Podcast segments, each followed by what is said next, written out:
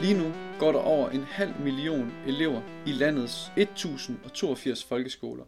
Skolereformen, der blev vedtaget i 2013, har blandt andet gjort elevernes skoledag op til 50% længere, så danske skoleelever nu har verdens længste skoletid.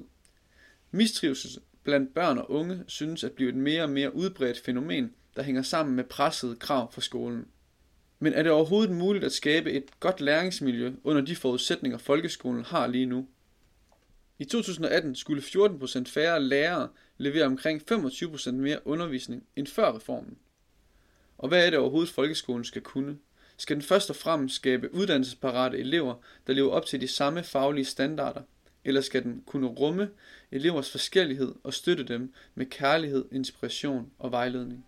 Og udelukker det ene nødvendigvis det andet? Hvordan står det til i folkeskolen, og hvilken retning skal den bevæge sig i, fagligt og pædagogisk? Dette er nogle af de spørgsmål, vi vil debattere i dette afsnit af Hvor skal vi hen?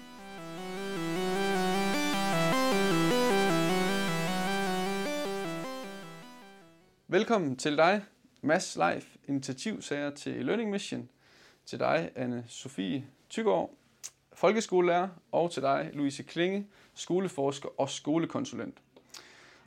Tak. Selv tak. tak. Ja, øhm, og hvis øh, vi lige starter med dig, anne Sofie Tygård.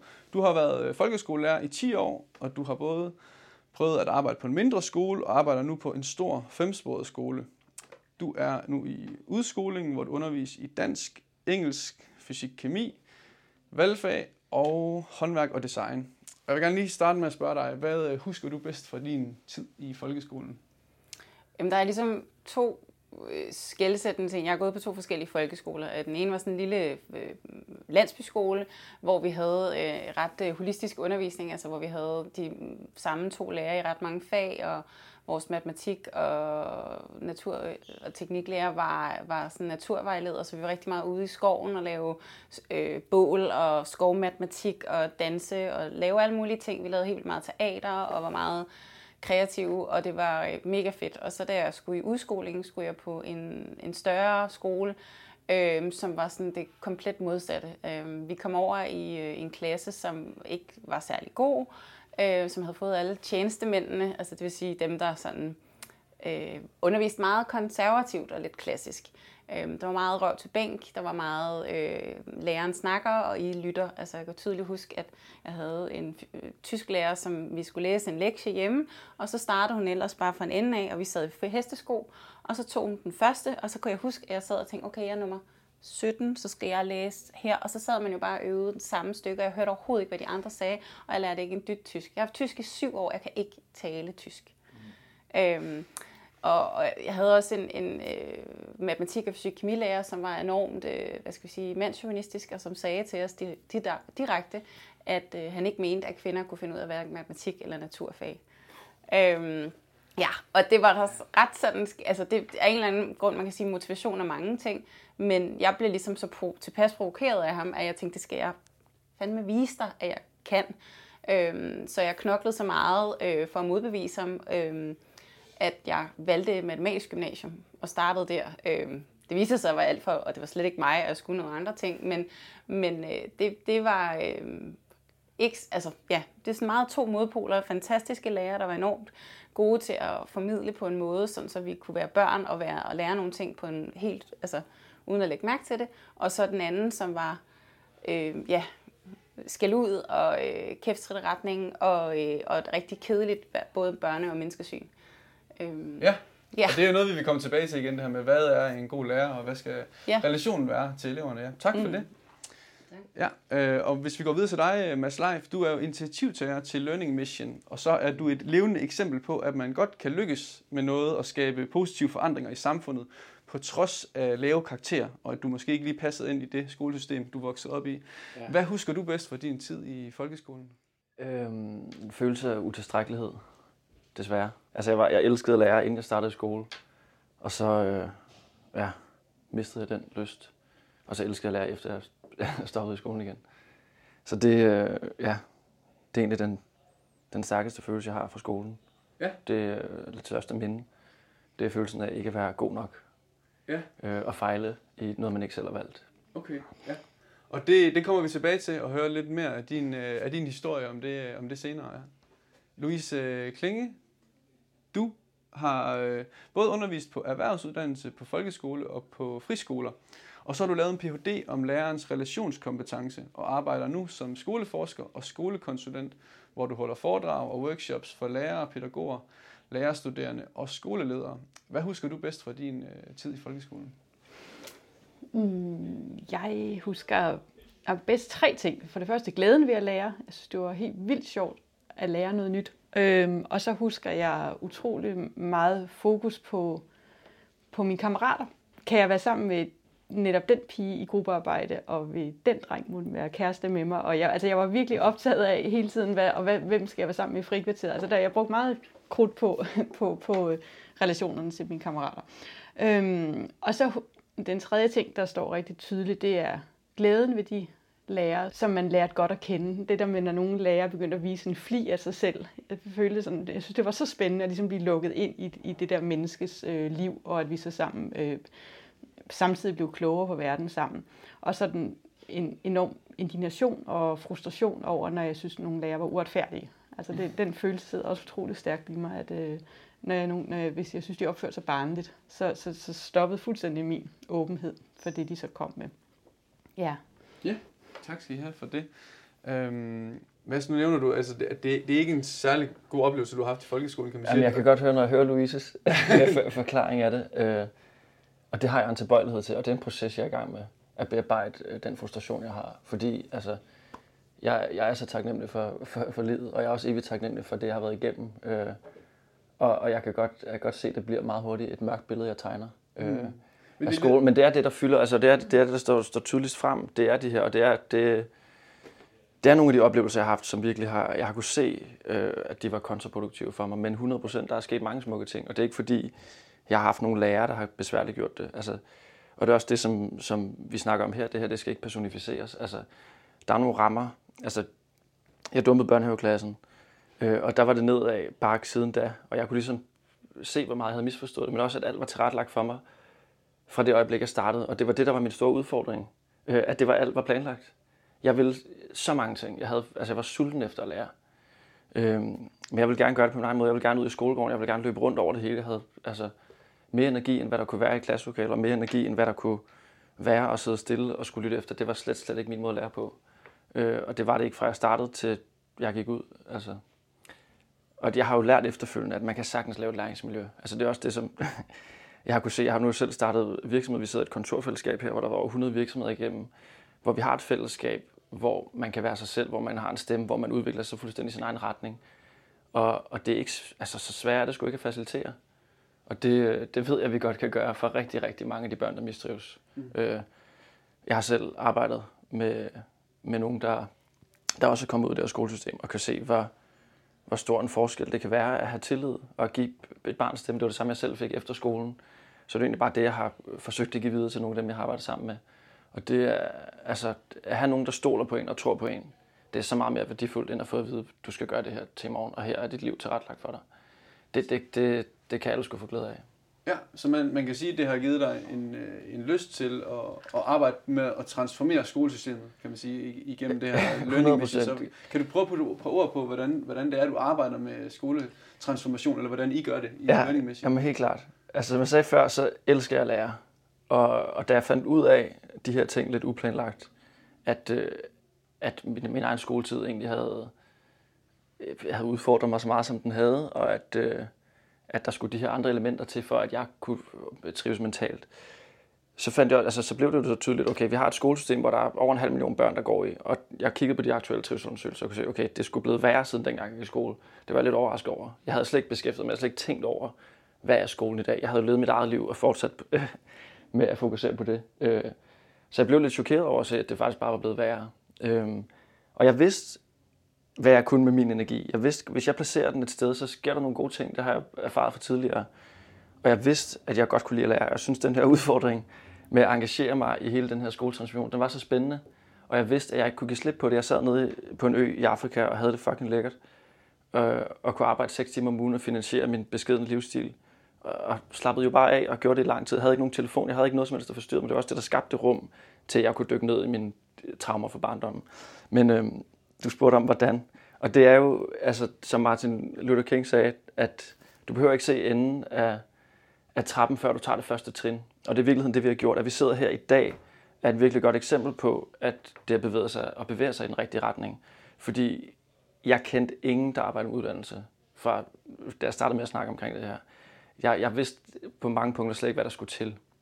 Jeg vidste, at hvis jeg satte ord på nogle af de her ting, og hvis jeg i tale satte noget, som var logisk for en, en god håndfuld mennesker, så vil det skabe nogle, nogle positive ting. Og det er også det, der jeg føler, der er sket med. Jeg er så taknemmelig for, at vi sidder her, også fire lige nu, øh, og har den her samtale, og at, at øh, Louise og Anne-Sophie, at I er kommet ind øh, i, i mit liv, kan man godt sige, men at I har, øh, I har set noget af det, der er sket, øh, og noget af det, der er lagt ud, og I har haft en rummelighed, og at I har reageret på en så konstruktiv og dejlig måde for, for, for Learning Mission, kan man sige, for projektet, fordi at i starten, der blev det formidlet og kommunikeret på en, en måde, som måske blev personificeret for meget. Der var nogle lærere, der følte sig trådt over tanden og sige, hey, du skal ikke gå ud og svine skolesystemet til, når du kommer derfra, øh, eller hvis du ikke har nogen baggrund, eller whatever.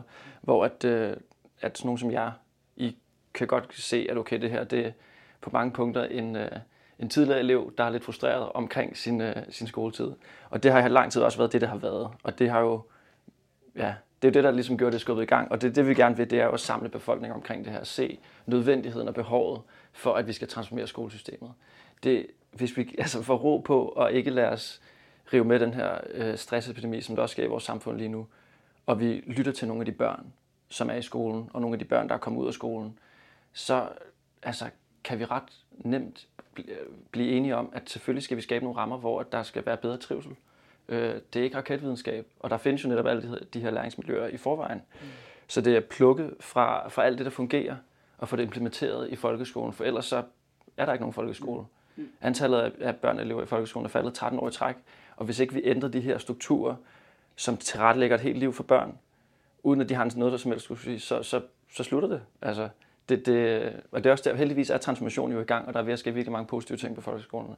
Og det er det, vi gerne vil accelerere. Og vi vil gerne accelerere det, fordi at effekten den kommer til at blive så god. Altså, det er den bedste investering for samfundet. Det er de kommende generationer. Og det, er, det er et spændende projekt, og det, det kommer vi også tilbage til, det her med, med learning hvad, hvad er det præcis, at de gerne vil, og hvad kan man gøre? Hvis vi, hvis vi spørger videre her til dig, Louise, hvad, hvad, hvordan arbejder du med skoletransformation? Ja, øhm, hvordan gør jeg det? Jeg er meget optaget af både at arbejde med det, man kunne sige på mikroniveau og makroniveau. Altså så det enkelte møde mellem de voksne i skolen og, og, og så børnene. Øh, øh, øh, og, men også at arbejde med de strukturelle rammer, der er for lærerne og pædagogens arbejde. Så, så, øhm, og det, det, de senere år er jeg gået væk fra ligesom bare at komme ud og holde noget oplæg, hvor man formidler noget viden, og så går man derfra, og folk øh, ser måske glade og engageret ud. Og, øh, øh, øh, men men det, er jo ikke, det er jo ikke det, der gør en forandring, at, at man lige har fået noget, noget sidde sammen til et fælles oplæg i et par timer. Så jeg arbejder meget med sådan nogle længerevarende forløb, hvor man arbejder med hele skolen som organisation. Og, øh, og så gør man det over, øh, over lang tid, øh, og at man, og man øh, skaber en kultur, hvor vi bliver bedre til at se på hinandens praksis, inspirere hinanden, så i de her forløb, der, der arbejder man med videooptagelser, så lærerne og pædagogerne begynder at filme øh, sig selv, øh, og så er der så nogen, der bliver uddannet til at have fokus på alle de øh, steder, hvor man rent faktisk gør noget, der er rigtig værdifuldt for børnene. Og så er det, når man så sidder sammen som, øh, øh, som teams, så sidder man og kigger på videoklip af hinandens praksis, hvor man rent faktisk ser, wow, den måde, jeg forklarede den bid af verden til netop den gruppe børn, gjorde jo, at de faktisk sad bagefter og var virkelig koncentreret og fordybet. Det er noget, jeg slet ikke at registrere, mens jeg stod der i kampens hede, og ni andre børn rakte fingrene op. Så det der med at fastholde øh, og fokusere på, på, på de øjeblikke, der er meget værdifulde, og, og, og, og som kollegaer tale med hinanden om det. Det er jeg rigtig optaget af at understøtte det, at vi simpelthen får åbnet dørene noget mere, set på hinanden, talt om det, og samtidig er jeg meget optaget hele tiden af at levere viden til forvaltningsniveau og politisk niveau, ministerielt niveau omkring, hvad er det for nogle rammer, der er brug for, for at lære og pædagoger kan lykkes med et, et af verdens vigtigste og mest komplekse jobs.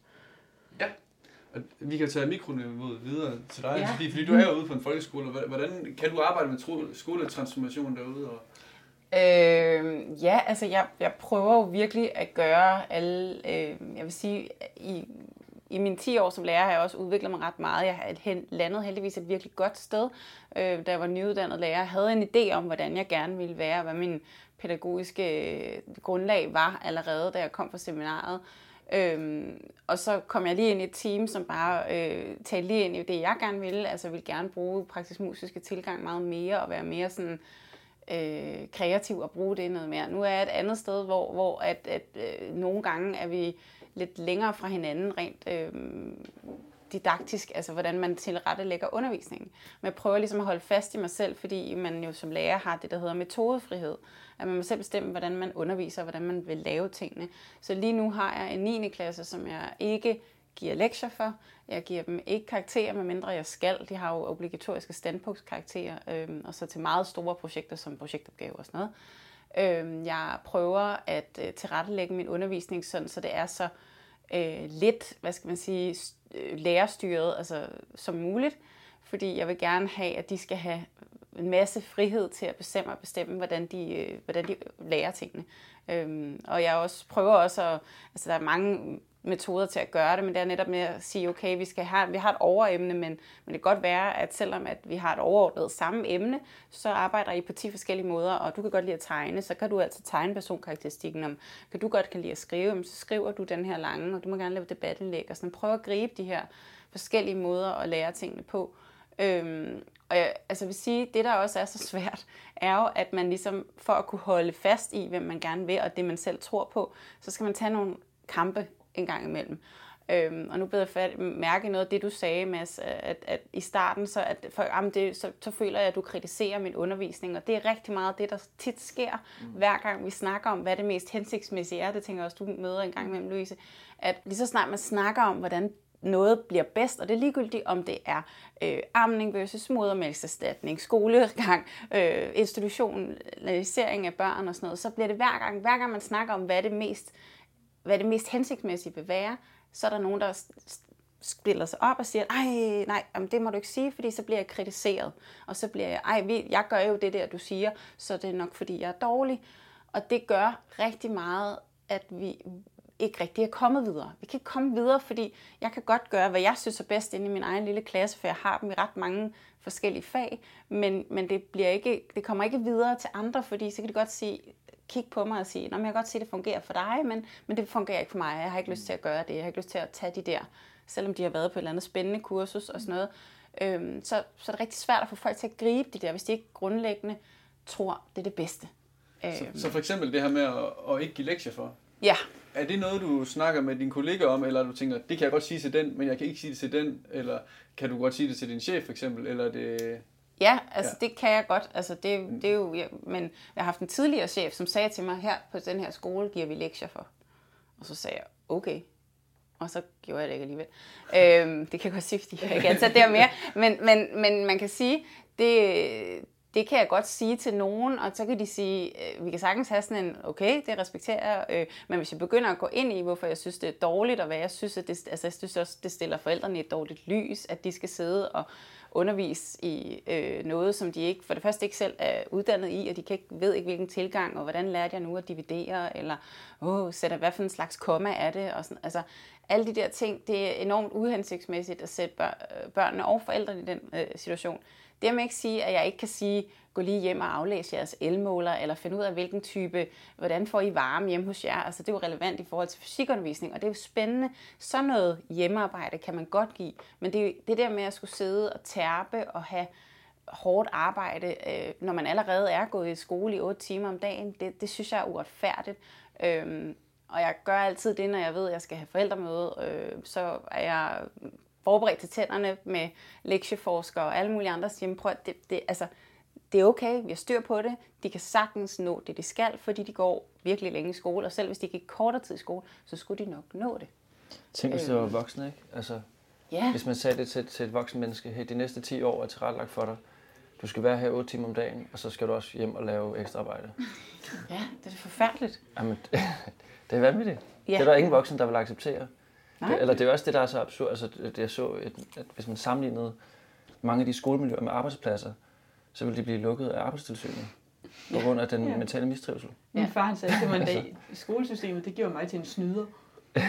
altså, han, han blev ligesom Ja, ja, ja. ja. trænet i, hvordan kan jeg hele tiden komme bedst udenom noget, Ja. ja. som ikke, altså så sagde jeg, jeg blev en snyder. Ja, det er vildt. ja.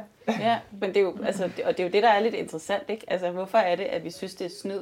Lige nu er mine elever i gang med at læse en roman, og så var der flere af dem, der sagde, man vil godt lytte til den. Så siger ja, det er en mega god skuespiller, der har indtalt den.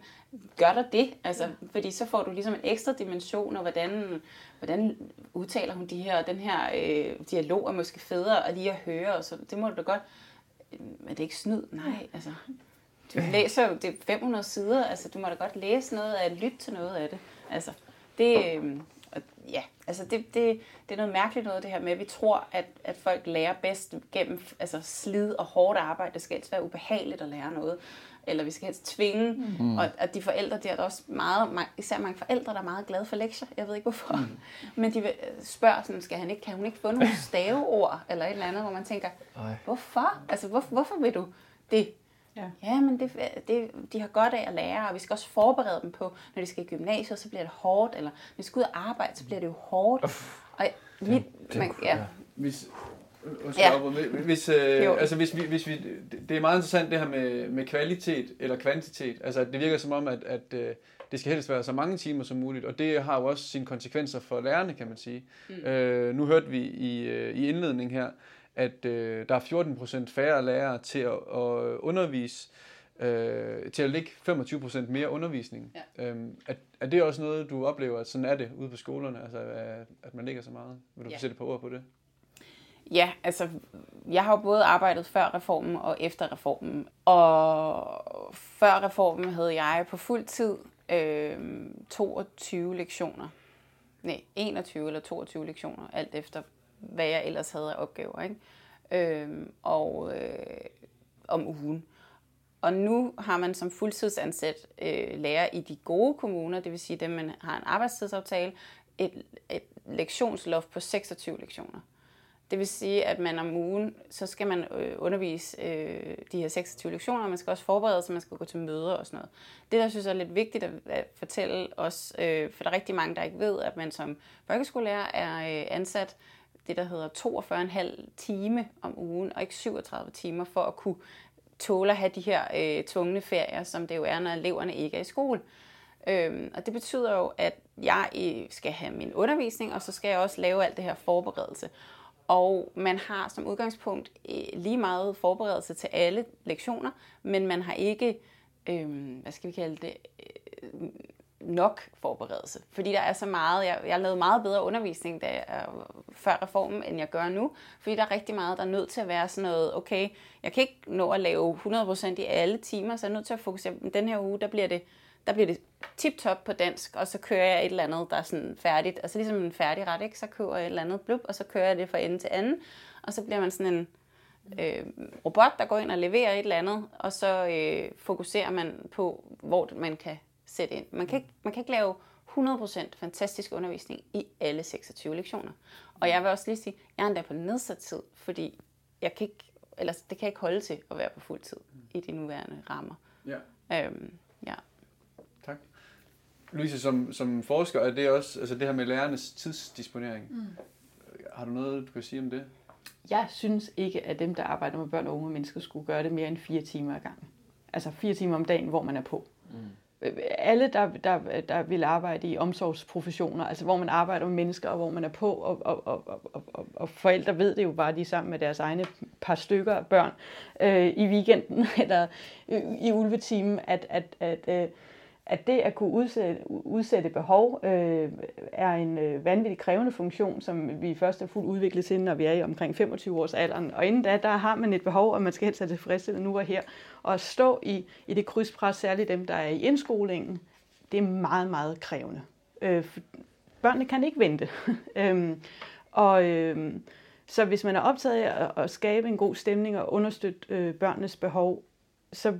Øh, og, og i udskolingen have de dybe eksistentielle snakke, som, som de har brug for der, og virkelig møde det menneske til menneske, hvor vi sammen bliver klogere på, wow, hvad er det her i verden, som, som, som, som, som kan berige os, og som vi kan fordybe os i og gå ind i.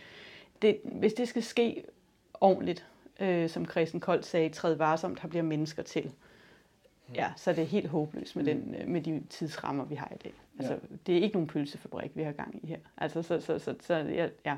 Øhm, og rigtig mange af de lærere, der er virkelig optaget af at gøre en positiv forskel for børnene, virkelig så det her ansvar på sig. Mange af dem stopper jo. Øhm, og mange bliver sygemeldte, og rigtig mange går ned i tid. Øhm, og det, ja, der, vi har ikke taget opgavens kompleksitet alvorligt. Nej. Og, og det, ja, det er jo tankevækkende med, med skolereformen, at den rent faktisk har, har sat, hvad kan man sige, har, har stillet højere krav, og det kan være, at vi lige skal høre en speak om den her, øh, den her folkeskolereform. Slutrapport. Folkeskolereformen har hverken løftet faglighed eller trivsel. Sådan lyder overskriften på en artikel på folkeskolen.dk fra januar 2020. Her fremgår det, at der siden skolereformen blev vedtaget af et bredt flertal i Folketinget i 2013, ikke har været fremgang i hverken trivsel eller faglige resultater. Det fremgår også, at det gerne tager 5-15 år at implementere en større reform, hvilket kan være en af forklaringerne på, at kun halvdelen af landets skoler har implementeret reformen. Kigger man nærmere på resultaterne hos de skoler, der i høj grad har implementeret reformen, og dem, som kun i mindre grad har implementeret den, er konklusionen, at der ingen forskel er, hverken på elevers trivsel eller på faglige resultater. Noget tyder altså på, at rapporten ikke er lykkedes efter hensigten. Skimter man lignende overskrifter igennem på folkeskolen.dk, lyder de blandt andet Status efter tre års reform, trætte elever og ingen testfremgang. Fem år efter, ingen af målene for folkeskolereformen er indfriet. Og en anden, for femte år i træk, ingen fremgang i elevernes trivsel. Overskrifterne maler et tydeligt billede af en mislykket reform, og partierne bag reformen er også blevet enige om en justering fra 2019.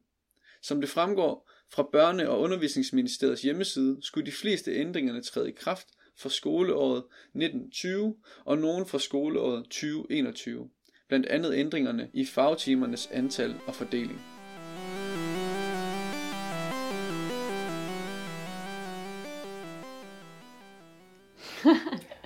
Er der nogen, der, øhm, der vil sige noget til det? Så? Altså, jeg kan sige, at justering i fagti, altså fag, hvornår fagtimerne ligger, er foretaget. Det er sådan noget med, at så har man i øh, kristendom i 8. klasse, det har man normalt ikke, fordi det er der, de fleste elever går til præst. Og så er der noget med, at når man har biologi, og så er det to lektioner i, i 8. i stedet for og, og kun én lektion i 9. og nogle andre ting. Men man kan sige, det er... Øh, det, det betyder egentlig ikke så meget. Det betyder noget for, for lærernes årsplanlægning, og, og det betyder også noget for mine kolleger, som nu skal have, som pludselig i den her overgangsperiode ikke har nået øh, det, de skulle, fordi de så får to år med kun én lektion, hvor de, ja. Men ellers så øh, betyder det noget, at der er kommet, jeg tror det er en lektion mindre om ugen, Øhm, og man, de fleste skoler, også øh, min, har, har søgt om at få lov til at bruge den paragraf, øh, som giver lov til, at man kan må sætte timetallet ned og omlægge nogle af timerne, men jeg synes stadig ikke, det er nok. Altså, jeg synes stadig, de går rigtig længe i skole. Otte lektioner om, øh, om dagen er rigtig hårdt. Og som Louise også sagde før, er, at, at den der konfrontationstid med eleverne, det er jo ikke fordi, jeg skal stå og snakke i otte timer, det gør jeg på ingen måde, men det at have med relation, altså personer og mennesker at gøre, er, gør, at man er enormt træt, når man kommer hjem, og det er børnene også. Altså, øhm, som, altså alle, der har prøvet at sidde i et åbent kontorfællesskab, jeg tænker, det er lidt sådan for de her elever, at de skal sidde og forholde sig til larm og folk, der kommer ud og ind og snakker hele tiden. Øhm, det må være rigtig, rigtig hårdt for dem. Ja. Så de er implementeret, men, men om det er nok, det ved jeg ikke, om jeg synes. Altså. Nej, det er jo, altså, det er småjusteringer. Det, det betyder for mig at se, altså jo, det er da jo godt, at det noget går i en mere hensigtsmæssig retning, men det, det er slet ikke nok. Altså, og, det, og for mig at se, at det også mudrer på en eller anden måde diskussionen mm. i forhold til reformen. Og arbejdstiden blev jo noget, der blev blandet sammen, og, og, og, og, og man bliver nødt til at se, at i forhold til arbejdstid, der strammede man et greb og skabe mindre menneskevenlige rammer, men i forhold til selve reformens elementer, der var der skridt hen imod en mere børnevenlig skole, fordi vi snakkede om åben skole, vi snakkede om mere bevægelse, mere variation. Men hvis ikke man klæder mennesker godt nok på og, øh, til at kunne lykkes med det, og, og til at have tiden til det, og til at have overskud, jamen så er det, som Jesper Fisker, den tidligere departementchef, sagde øh, et par år efter, at reformen blev indført. Ja, vi har godt nok fået en længere skoledag, men den er faktisk ikke blevet mere varieret. Altså det var hans kon- konklusion ikke, på en konference, og det er jo også det, man ser de fleste steder. Så, øhm, så vi må ligesom tilbage på sporet i forhold til drømmen om en, en skole, der er, hvor både børn og voksne elsker at komme hen, og der, der, der bliver vi nødt til at tage fysiske og psykiske behov alvorligt, og vi bliver nødt til at se på, hvad er børn for en størrelse, og så indrette skolen ud fra det. Hvor flere, endnu flere børn kunne opleve skolen også for mig. Ja. ja, og det er jeg egentlig også enig i. Jeg er ret enig i mange af de overvejelser, der var med folkeskolereformen. Så det var sådan et dobbelt, eller øh, mærkeligt fornemmelse, at, mm. at vi synes det, jeg synes, det er en genial idé, den der ged, der altid blev sagt, åh, man skulle kigge på, øh, på den her ged, og som, øh, som naturfagslærer, så synes man, det er genialt. Altså, jeg har været ude og brække en hjort op og kigge på alle dens maver og sådan noget. Det er da genialt, alle de ting, der tænker. Problemet er jo lidt, at ved at man netop fik mudret de her to med arbejdstid, så man sagde, I skal forberede flere lektioner, og I skal gøre det mere kreativt. Det er meget mere tidskrævende at lave den lækre, spændende undervisning, hvor vi er ude, og så skal kommunikere med alle mulige eksterne folk. Jeg skal øh, aftale det der åbne skole. Jeg skal finde ud af, hvordan spiller jeg bedst op til, at vi skal ud og kigge på den der hjort, og de der, hvad skal jeg have lavet inden, og hvordan skal vi øh, gøre de her ting? Hvordan skal, jeg, hvordan skal det organiseres, hvis vi skal lave en musical? Hvordan skal jeg lægge de her? Jeg skal have alt det der materiale på plads. Og derfor bliver det bare ikke til noget, for det er ikke realistisk at kunne køre altså de der 45 minutters bevægelser om dagen. At, at, øh, at det skal, der er rigtig de der så ligesom får lykkes med det, hvor det så bliver det også tit sådan noget søgt noget, at Nå, nu skal vi, åh, vi skal huske de her ting, så nu skal I ud og hoppe et eller andet, i stedet for at det ligesom er en naturlig forlængelse af, at vi alligevel skal lave et eller andet, så selvfølgelig laver vi det. Og rigtig mange af de lærere, jeg kender, gjorde mange af tingene i forvejen havde masser af cooperative learning, hvor man, hvor man er ude, og man skal rundt, rundt og snakke med sin, gå ud og finde en eller anden, og lave et eller andet, hvor I bytter navneord, eller øh, kollegaer, jeg havde, som sat klemmer på ryggen af eleverne med, med divisionsstykker, og så løb de rundt og lavede mm. øh, fange. Altså, der er masser af de her ting. Det var der allerede, men jeg tror faktisk, at man fik mindre af det, ved at sige, skal undervise noget mere, fordi så har man ikke tid til at hente klemmer og finde ud af at kopiere og få øh, stykket alt det her sammen og klippet alt de der dimser, som skal være en 20 minutters aktivitet. Det bliver bare ikke gjort, mm. fordi tiden ikke er der. Mm. Så folkeskolereformen er som sådan fin, hvis ja. rammerne følger med, kan man sige. Ja. Jeg ser det lidt som, altså skolesystemet er et, er et stort, stort træ, og, og rødderne er lidt rådne. Og mange af de her, når mange af de her reformer, det, så prøver man at gøre bladene pænere. Og altså, det kan godt være, at det, det ser lidt pænt, men altså, hvis rødderne er rådne, så er det dumt at fokusere på, på det, der er på træet. Altså, og det er derfor, vi er nødt til at kigge på rødderne. Fordi det er der, løsningen ligger. Altså, det, det er rammerne. Øh, og det, vi, vi har allerede snakket omkring nogle gode elementer i dag. Altså, at der skal mere tid til lærerne, øh, fordi så kommer der bedre undervisning. At løsningen, det er ikke at prop, øh, altså, større krav til lærerne, tydeligvis. Altså, det, det kan lærerne berette om, og det kan trivselsundersøgerne berette om. Mm det er ret tydeligt, hvad, hvad det er, øh, der skal til. Og det er også det, jeg synes, der er spændende at snakke om. Øh, men, men ja. Ja, lige nu, der, der, det, det lyder lidt som om, Anne-Sophie, også for, at du ligesom gør de ting, du ved, der giver mening for, for de unge mennesker, du er sammen med. Mm. At så at lige på grænsen til næsten civil ulydighed. Altså sådan, at du skal i hvert fald stå på mål for altså, ja. øh, nogle, ja. Ja, nogle øh, Øhm. Ikke i forhold til øh, ledelse og så videre, men, men i forhold til kolleger, kan det godt nogle gange være lidt, øh, ja. lidt svært at, at skulle, altså, at skulle stå op for det, man tror på. Ja. Altså, at, at, ja. øh, at, og det synes jeg egentlig, men det synes jeg er i mange sammenhæng det her med, at, at folk har svært ved at, øh, at snakke om de ting, som de egentlig måske godt ved er det bedste, men, men øh, fordi øh, folk, der er presset, ikke magter, og mm. så de føler sig presset til, når ja. hvis du står derovre, og du ikke giver, og jeg kan ikke nå mit pensum for, øh, for det her fag, hvis jeg ikke øh, hvis jeg ikke skynder mig lidt, og jeg skal også blive og når jeg så siger, at der er ikke pensum, du skal ikke nå noget bestemt, ej, det er også, og nu skal du ikke, og jeg har jo, og jeg ved, og bla bla, og ja. jeg er nødt til at give dem lektier, fordi de skal læse, og sige, hvad hvis nu du kunne vise dem en dokumentar, som forklarede dem det samme, på, på, altså, var ja. det så ikke altså, så vi har masser af de her diskussioner, Ja. og det eneste, det en, egentlig ender ud med, at det, der er lidt ærgerligt, er jo netop, at folk sådan lukker sig om sig selv, og ja. lukker sig og bliver den, vi kalder det den privatpraktiserende lærer. Mm. Man går ind, og så har man sit eget lille klasseværelse, mm. og så kører man sit eget show, og så kommer vi ikke videre, fordi vi, kan ikke, vi har for det første ikke tid til at have de, alle de faglige diskussioner, vi gerne vil have, hvor man er åben og har lyst til, og gud ja, gør du det? Ej, det vil jeg da egentlig gerne. Fordi folk øh, bliver presset på det og føler sig... Øh, ja, folk, folk, der er i pressede situationer, kan ikke tage nye ting ind og implementere nye ting i deres undervisning, så føles det bare som et angreb. Øh, ja. Ja, men det er... Jeg kender en fantastisk skoleleder, som tager det alvorligt. Altså, han, øh, han er optaget af, at jamen, vi skal jo lære sammen. Vi skal være en stor lærende kultur. Mm. Altså, det er jo netop, det findes ikke at bare gå ind og formidle noget viden, og så er der nogen, der så øh, overtager den viden. Det, tankepædagogikken, den eksisterer ikke. Altså, så vi skal være lærende sammen. Øhm, og så øh, øh, øh, er han optaget af projektbaseret læring, som man øh, heldigvis er blevet rigtig, rigtig mange steder, og også har været tidligere. Øhm, men er samtidig også realistisk i forhold til, hvis det skal have ben at gå på, så er, der jo der, så er der jo noget andet, jeg skal tage væk. Jeg kan ikke bare sige, kære lærerpædagoger, nu skal I også det her. Nu skal I også arbejde med projektbaseret læring til at afsætte i autentiske problemstillinger, arbejde med feedback og feedforward og et spændende slutprodukt.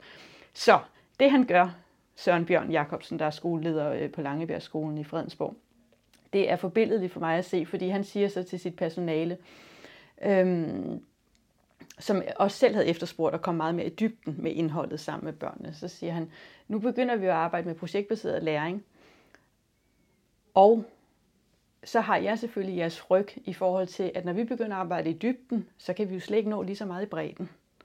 Og det er lige præcis det, der gør, at det nu bliver til noget. Så lærerne har selv været inde og ændre skemastrukturen, så de kan nå i dybden. Og der ikke er en håbløs klokke, der ringer, og børnene går rundt og skal have- forholde sig til fem forskellige fag i løbet af en dag, mm. men man faktisk kan bevare sit engagement, og, og, og fordi han går forrest ikke, og siger, Fantastisk. Mm. det er uha- vi, vi troede før, at vi nåede omkring målene, når vi vinkede dem af, men det er jo det, det er der jo ikke opstået læring af. Vel? Det er jo bare for at tilfredsstille mm. et system opad til, men det er jo lige meget, for det er jo ikke for, det, for, det er jo ikke for deres skyld, at, at, at skolen er her. Så, så det er sådan nogle vigtige ting, altså, at synes jeg, og, og som jeg også ved, I ja, Learning Mission er optaget det her med, hvordan kan vi highlighte Mm. de der steder, hvor man tager mennesker alvorligt, altså, Mm. i Og forhold hvor det til til at fungerer. lykkes. Ja, lige præcis, Ja, de hvor det gode- fungerer. Altså de folkeskoler, der formår det her. Ja. Præcis. Ja, Rigtig og man kan få fjernet den der angst, der jo har bredt sig siden, at altså, der kom de der PISA-resultater tilbage i, i begyndelsen af nullerne, altså, og, og børnene ikke læ- synes, man læste godt nok her i Danmark. Så bredte sig den der angst, og den blev så bestyrket af, at vi skulle have høj faglighed, og høj faglighed blev, blev meget forbundet med høj boglig, altså med, med et bogligt Ja. fokus, ikke? og vi skulle have nationale test, og så blev det jeg har talt med flere lærere, der fortalte, at tidligere, når jeg arbejdede med for eksempel matematik med koordinatsystemer, så var vi ude at lave skovstratego, eller øhm, øh, øh, vi spillede stratego. Vi gjorde alle mulige ting, og forældrene var vildt begejstrede for min tilgang. Men efter de nationale test kom, så hver gang jeg bevægede mig uden for klasselokalet og væk fra grundbogen, så kom der det her spørgsmål fra lærerne. Øh, undskyld, fra forældrene. Lærer, lærer mit barn nu nok? Ja. Ikke? Altså, så vi kommer til at få snæver læring ind til, at det bliver noget bogligt, hvor mennesker er hjerner på en pind, og så skal vi ligesom blive der. Øhm, så, så vi skal have fjernet den angst. Mm. Ja. Ja, og det er jeg meget enig i. Altså det, det, der sker rigtig tit, er jo netop, at, at øh, jeg kan nemlig rigtig godt lide at lave projektopgaver og projektarbejde, og øh, laver det rigtig meget. Øhm, og der er jeg også blevet mødt rigtig mange gange med det her med, at vi samlede øh, nogle penge ind til, til et, øh, et velgørenhedsformål, hvor de skulle lave deres egen lille virksomhed. Vi skulle sælge nogle ting, og vi skulle lave alt muligt. Det vil jeg ønske. og det, hvad? ja, det vil du have Det vil jeg ønske. synes, og det, var, og det var netop også med at sidde og lave Excel-ark, og der var nogen, altså, og- og de også kodet hjemmesider og lavede mm. alle mulige ting. Øhm, og nu for nylig er jeg også blevet uddannet fysiklærer, og der har jeg også en, en rigtig god kollega, som er mega dygtig. Og jeg sad og snakkede med hende om, at vi sad og skulle spare, og ej, vi kan også lave det der, hvorfor vi skal ud. Og så siger hun, men det, det kan jeg jo ikke, for jeg skal netop nå mm. alle de der 10 ting. Så, er det ikke, altså, vi kan jo ikke bare klumpe dem sammen, og så tager vi ud i bøllemose, og så graver vi, kigger på de der frøer og sådan noget. Og så sådan, jo, men hvis, hvis de trækker skriftlig fysik, så skal de have nået alt det der, og så når vi det ikke.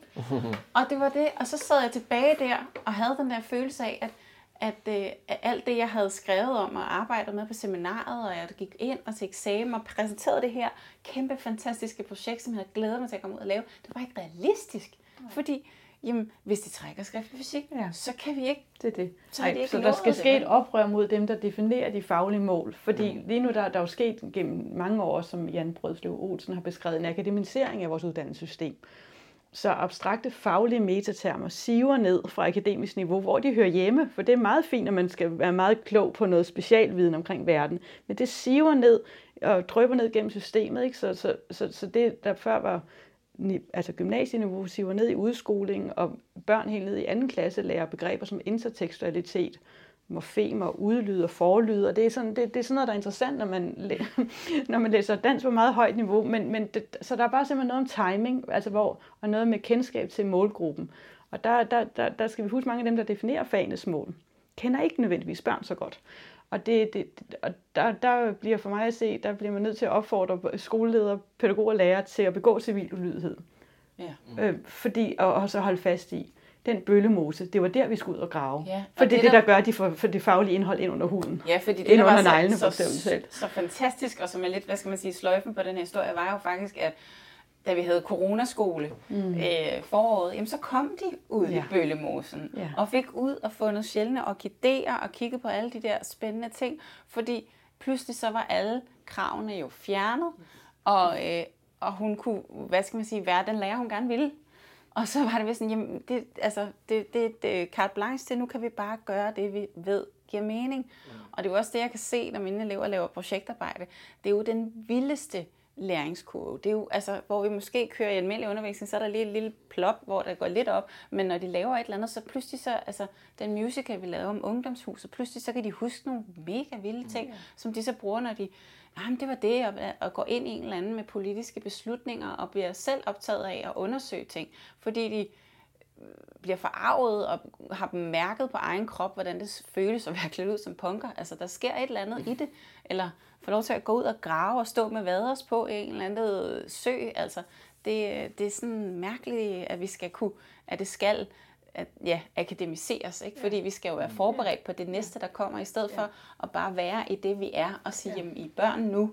Altså, det, Præcis. sammenligner lidt med nogen, der snakker om, at man skal lære at at køre bil, inden man må. Altså, så skal lave heller ikke en 11-årig, hvordan, øh, mm. og hvordan han skal køre bil, før han, altså når man først må, når han er 18. Altså, det kan han forholde sig til, når han ja. må.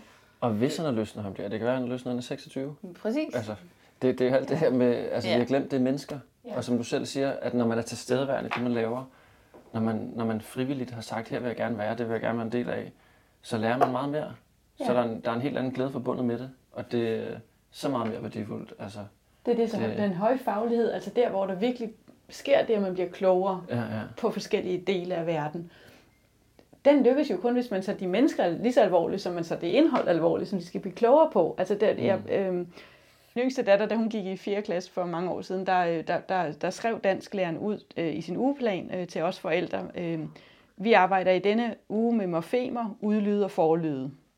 Og, og, og jeg kan med i dansk, så jeg har, jeg har hørt de begreber før, øh, men, men der var ja, rigtig mange forældre, der ikke aner, hvad det er, og der var også rigtig mange tosprogede familier. Så spørger jeg så læreren her, jamen er der ikke en risiko for, at vi på en måde kommer lidt til at ekskludere nogen? Altså man netop føler, at man kommer til kort som forældre, fordi man sådan skal jeg ligesom kunne bidrage ind i det der.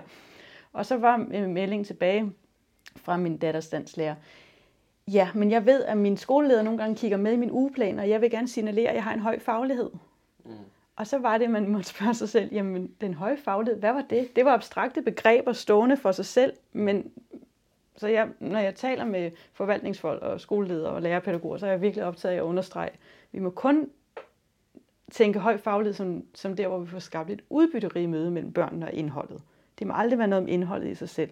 Så dem, der definerer fagenes mål, og i forhold til, hvad der så er høj faglighed, de kommer nogle gange til at tænke børnene ud af ligningen, eller de unge mm. mennesker ud af ligningen. Og så bliver det for nogle spillertid, og for dem, der føler nederlag, bliver det værre en spillertid at være i skolen. Og, og, og plus også, at man kommer væk fra følelsen af, som lærer pædagog, hvad var det, jeg egentlig ville? Ikke? For, altså, ja, det bliver hult. Mm. Og det er faktisk en meget god øh, bro hen til øh, et lille speak, vi nu skal høre om øh, hvordan mistrivsel og faglighed det hænger sammen. Langt flere børn er stressede og deprimerede. Sådan lyder overskriften på en artikel fra folkeskolen.dk. Her fremgår det, at forskere er enige om, at der er mange pressede elever i dagens Danmark. De er presset af kravene fra skolen, karakter, test og uddannelsesvalg med adgangskrav. I en rapport fra Center for Skoleforskning konkluderer man, at næsten hver fjerde barn i folkeskolen mistrives i en sådan grad, at de har behov for særlig støtte. Alligevel er der eksempler på kun én lærer til at danne og uddanne op til 28 børn på én gang. Er folkeskolens rammer så presset, at skolen kan skade elever mere end gavne dem? Ligner skolen mere en hindring end en transit for et balanceret og lykkeligt liv? Og hvad er det overhovedet, vores børn skal lære? Et citat fra en dreng i 8. klasse lyder sådan her. Man sidder på sin røv, hører efter, hvad læreren siger og skriver noter. Jeg tror ikke, der er nogen i vores klasse, der kommer til at sidde på kontor. Og det er det, lærerne træner os til, at sidde på kontor.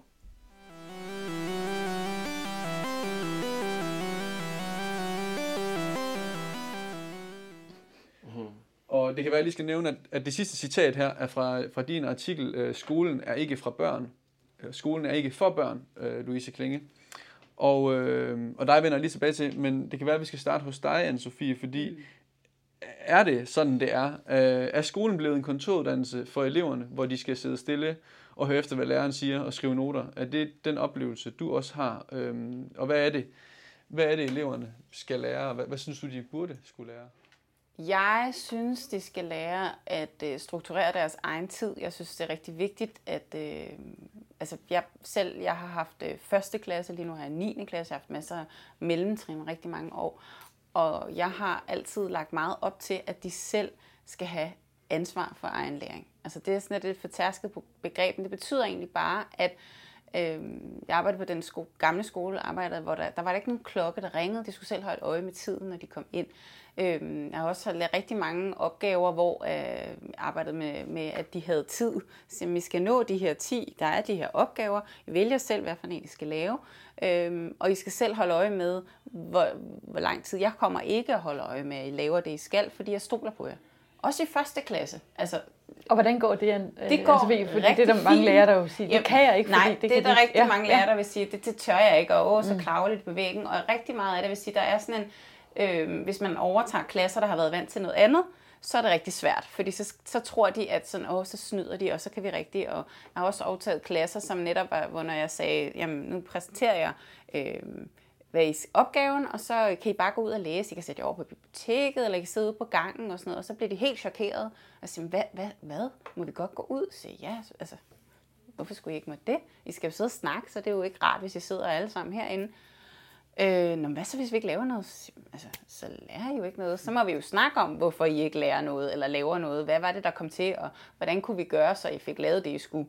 Øh, og så giver jeg dem netop deadline, så siger jeg, altså klokken et skal I være her, og jeg forventer, og sådan og sådan, og, og lægger virkelig meget over til dem, sådan så de kan prøve at administrere deres egen tid. Fordi det, det skal man jo også som voksen. Der er jo ikke nogen, der, din chef kommer jo ikke og siger, åh, oh, har du husket den der, nu skal du også, og der er 10 minutter tilbage og sådan noget. Altså det, det, kan, det gør man jo ikke i de fleste jobs. Øh, ikke fordi, jeg synes ikke, skolen skal være rettet mod arbejdsmarkedet. Jeg synes også lige så meget, at det skal være øh, deres ting. Men det er jo lige så meget en regulering, der er brugbar i hele ja, ens liv. Altså det at det kunne jo, regulere ja, ja, sig selv i forhold til, ja, lige præcis, ikke i forhold til, øh, hvad der forventes og hvad ja. der er hensigtsmæssigt. Ja. ja. Øh, men øh, nu tager vi lige tråden igen. øhm, det var i forhold til også, hvordan, øh, altså, hvordan er din oplevelse i forhold til, hvad, hvad, de, hvad eleverne skal lære? Altså, og, altså ja, jamen, det er jeg, som at sidde på ja, kontor? Jeg synes ikke, de skal lære at sidde på kontor. Det er ikke svært at sidde på kontor og skrive på en computer og tjekke mails og sådan noget. Jeg synes netop, de skal lære at regulere deres egen tid. De skal lære, hvordan de søger viden. De skal lære, øh, hvordan det føles det her med, når man netop bliver optaget af et eller andet og hopper ned i et eller andet kaninhul, som slet ikke var det, man skulle, men man bliver virkelig optaget af det, og så går med den. Eller øh, prøver at lave et eller andet projekt og ender med et slutprodukt. Jeg prøver også altid at lave noget undervisning, som hængt op på noget konkret.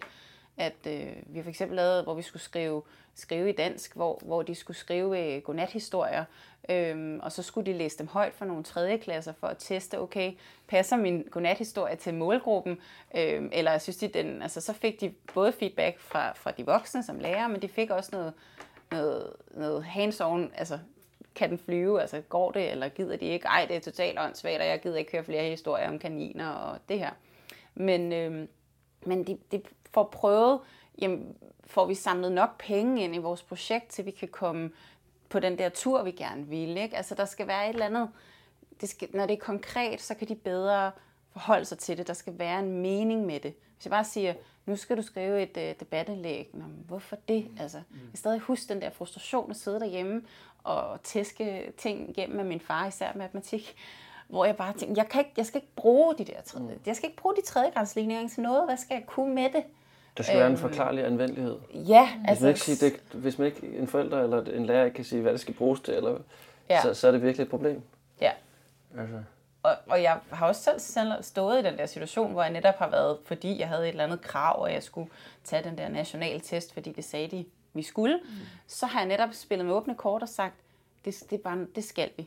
Eller jeg har også øh, åbnet min, hvad skal man sige, min didaktik for eleverne og sagt, at jeg har en regel om, at jeg skal snakke maks 20 minutter som indledning og præsentere opgaven, og så skal jeg ud og arbejde. Øhm, og der forventer jeg I stille, fordi så kan vi hurtigere komme i gang. Men ellers så, så er jeg meget sådan åben om, at hvad jeg synes er det bedste at prøve at sige, når jeg sender jer ud, så skal I også være tilbage. Når jeg gør det, når vi aftaler det her, så, så, er, vi, så er vi fælles om det. Altså sådan, så det netop bliver en form for vejleder, og ikke diktator, slavepisker rolle. Mm. Øhm. Ja. Så afvæbner du også frygten for det eksterne på en eller anden måde. Ja. Altså hvis du kan sige, at der er den her test, og det er godt nok noget, jeg ved, men bare slap af. Altså, ja. det, det, vi har vi laver i undervisningen, som, hvor I er fri og kan gøre, hvad I vil, det er meget værd værdifuldt. Ja. Altså det, det er fucking sejt. Ja, tak. øh, jeg, det, jeg synes også, det kræver is i maven, fordi der er jo netop, jeg har jo ikke ført til eksamen før. Øh, og nogle gange, altså, så oplever de jo, at vi har ikke, og det har vi da ikke lavet, og sådan noget, men det er jo fordi, jeg prøver at pakke tingene ind i noget andet. Ja, ja. Altså ligesom man river gulerødder og putter i kødsovsen, og så fylder lidt mere, og så opdager man måske ikke, man spiser dem, hvis man ikke er så vild med det. Øh, men, men at man får trænet en masse ting, man får trænet samarbejde, man får trænet øh, øh, projektplanlægning, man får skrevet, øh, skrevet en masse øh, formelle breve, fordi man skal sende e-mails til alle mulige. Man kan ikke sige, skrive til borgmesteren og skrive, hvad så der? Altså, der skal man, så man får indirekte puttet en masse ting koncentreret ind i mange små projekter. Og du får først og fremmest bevaret deres lyst til at lære. Ja, og det er det, der er det vigtigste. Ja. Men det er så problematisk netop, fordi de tænker, åh oh, nej, jamen, hvad nu hvis, og kan vi så det til eksamen? Og så har jeg prøvet ligesom at sige, det har jeg styr på. Mm. Det, det, vi har styr på det, det, der, det skal jeg ikke tænke på. Så, øhm. så det er jo, det er jo nogle, nogle valg, du selv har taget, og nogle, nogle, en ja. måde, du, du strukturerer din undervisning på. Hvis vi skal prøve at gå lidt op i helikopteren, øh, Louise, vil du prøve at sætte nogle ord på, hvordan sådan det generelle, den generelle faglighed, hvordan har den udviklet sig? Nu, nu snakkede du før om, at det var stukket lidt af med nogle begreber, mm. som jeg ikke engang kan huske nu, og ikke engang ved, om jeg kan forklare. Ja. Øh, vil du prøve at sætte nogle ord på? Ja, ja altså, men heldigvis så er, er, er, er, er, ser verden jo sådan mangfoldig ud. Altså. Men der er kommet de, den her tendens til en angst, og dermed et fokus på, til ligesom at trække sig tilbage til det, man så tror var det trygge, og det trygge, det er jo de gamle vaner, og de gamle vaner er over 200 år gamle, og handler om, at ånd vægtes over hånd. Så det vil sige, at vi, vi, vi har gennem ret lang tid nu bevæget os hen imod, at, at, at, øh, altså, at høj faglighed be, øhm, øhm, forbinder vi med, med det bolige så heldigvis, så kommer der jo gerne, altså ting bevæger sig jo gerne sådan i penduler, ikke? så der kommer jo modsvar, der kommer heldigvis også, øh, er der, og der er heldigvis også lærerpædagoger, der bliver ved med at holde fast i det, som de hele tiden har kunne se gav mening for børnene, og der, hvor der var lys i øjnene og engagement. Men der kommer, øh, gennem de senere år, er der kommet et rigtig stærkt fokus på, på udeskolepædagogik, at vi faktisk altså, laver tilrettelægger øh, didaktiske forløb uden for klasselokalet. Øhm, der kommer øh, flip learning, hvor man øh, øh, hvor børnene er blevet introduceret til noget, og så kan vi bruge rigtig meget tid på at være aktiv sammen, når vi så er, er sammen, altså i stedet for at det netop bliver øh, læreren, der står og taler det meste af tiden. Øh, der kommer øh, undringsforetagsomhed og øh, innovationsdidaktik, altså hvor man øh, tager alvorligt, at, at, at børnene er fantastiske problemknuser. Øhm, og der kommer også efterhånden, at, øh, at der kommet et rigtig stærkt fokus på det, vi så kalder praksisfaglighed, altså at tage, de, tage det håndværksmæssigt alvorligt, og tage det pra- øh, sansende og det skabende alvorligt. Så, så, så, så på den måde er det broget, men, men alt for mange børn oplever stadigvæk, at skole handler om at sætte sig ned og tige stille og åbne bogen. Det, mm. det, det, øhm, jeg kan ikke sige, altså, jeg kender ikke procenterne i forhold til, hvor meget der er mest. Jeg ved, KL lavede en undervisning for et par år siden, hvor øh, 75 procent at... Ah, nu skal jeg passe på, at jeg ikke refererer forkert. Ja, nej, jeg tør ikke sætte procent okay. på, det kan jeg ikke huske. Men der var en, helt klart en, en, altså den største del af lærerne sagde, at de brugte mest tid på den klassiske undervisning, som er mm. tavleundervisning, øh, altså mm. ja, prøv til bænk. Og det, det, ja. Så det, det var der en overvægt af, og vi kan også se i udskolingen, det er så i forhold til de nationale øh, trivselsmålinger, men at 10 procent af eleverne i udskolingen siger, at undervisningen tit er spændende. Mm. Altså det vil sige, at 90 procent af tiden er den ikke særlig spændende. Ja. Og der, skal man, der, der er øh, børn og unge ikke særlig krævende. Det er faktisk ikke sådan, at de kræver, at læreren så skal stå der som stand-up komiker, og det skal være et stort festfyreri øh, af underholdning. Jeg kan give et eksempel. Jeg har interviewet nogle, nogle, øh, fordi når jeg har interviewet børn og unge, hvad er en god lærer? Så siger det, det er en, der er god til at lære os noget og det er en, der er sød.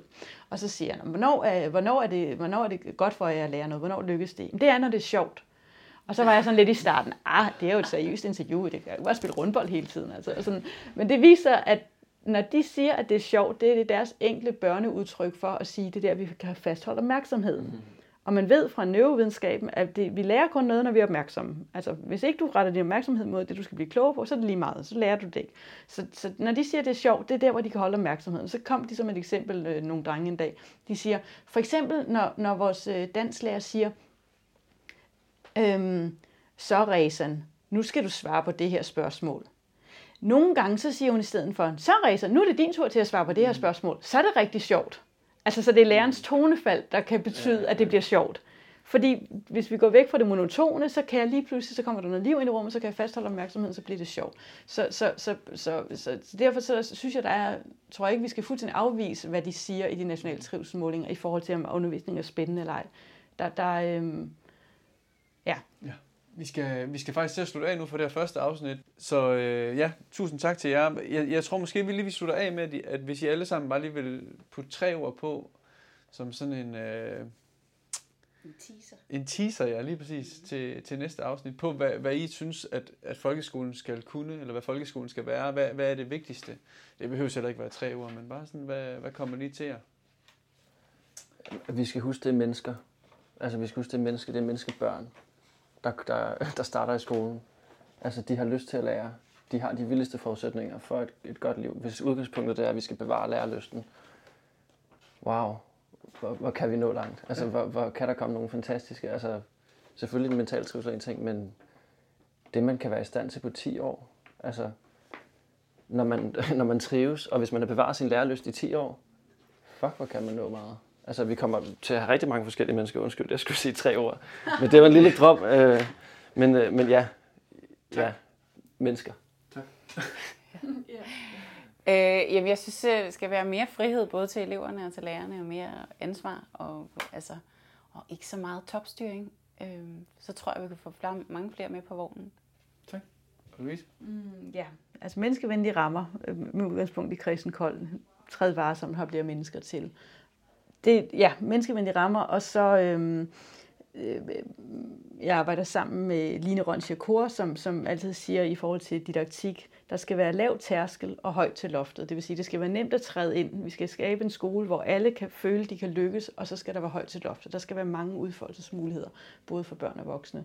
Og så den sidste ting, jeg vil sige, det er, at skolen skal tage på sig, at efter en skolegang skal børn jo både kunne og ville bidrage til omverdenen. Og det kræver, at de har erfaret, at de har noget at bidrage med.